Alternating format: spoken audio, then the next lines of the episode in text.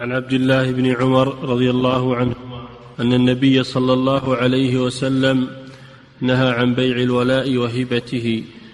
نعم الولاء الولاء هو عصوبة. الولاء نوع من أنواع التعصيب لأن عرفنا إن الإرث إما ان يكون بالفرض وإما أن يكون بالتعصيب. والعصبة إما أن يكونوا عصبة بالنسب وإما أن يكونوا عصبة بالسبب. والسبب هو العتق فإذا أعتق شخص مملوكا له صار له عليه الولاء بحيث لو مات هذا العتيق وليس له وارث فإن ماله يذهب إلى سيده إلى المعتق لأنه عاصب له من العصبة. فالولاء نوع من أنواع التعصيب نوع من أنواع التعصيب. فإذا مات العتيق وليس له وارث من أقاربه فإن ماله لمعتقه بالولاء لأن الله سبحانه وتعالى جعل الولاء لمن أعتق. جعل الولاء أي التعصيب لمن أعتق. سواء كان المعتق ذكرا أو أنثى.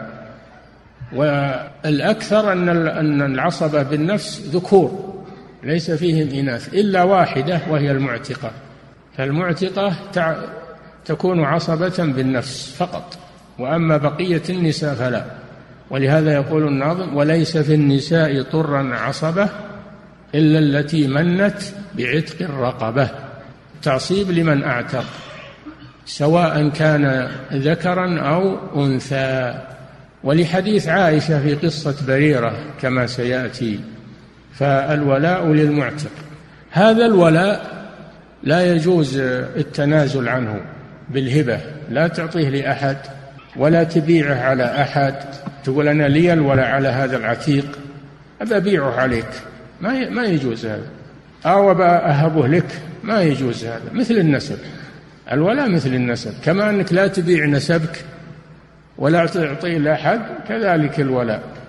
ما يجوز التنازل عنه لأحد أو بيعه على أحد أو هبته لأحد.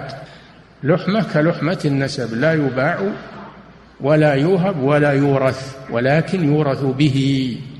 لا يورث ولكن يورث به. هذا هو الولاء. أعد الحديث. أحسن الله إليك. عن عبد الله بن عمر رضي الله عنهما أن النبي صلى الله عليه وسلم نهى عن بيع الولاء وهبته.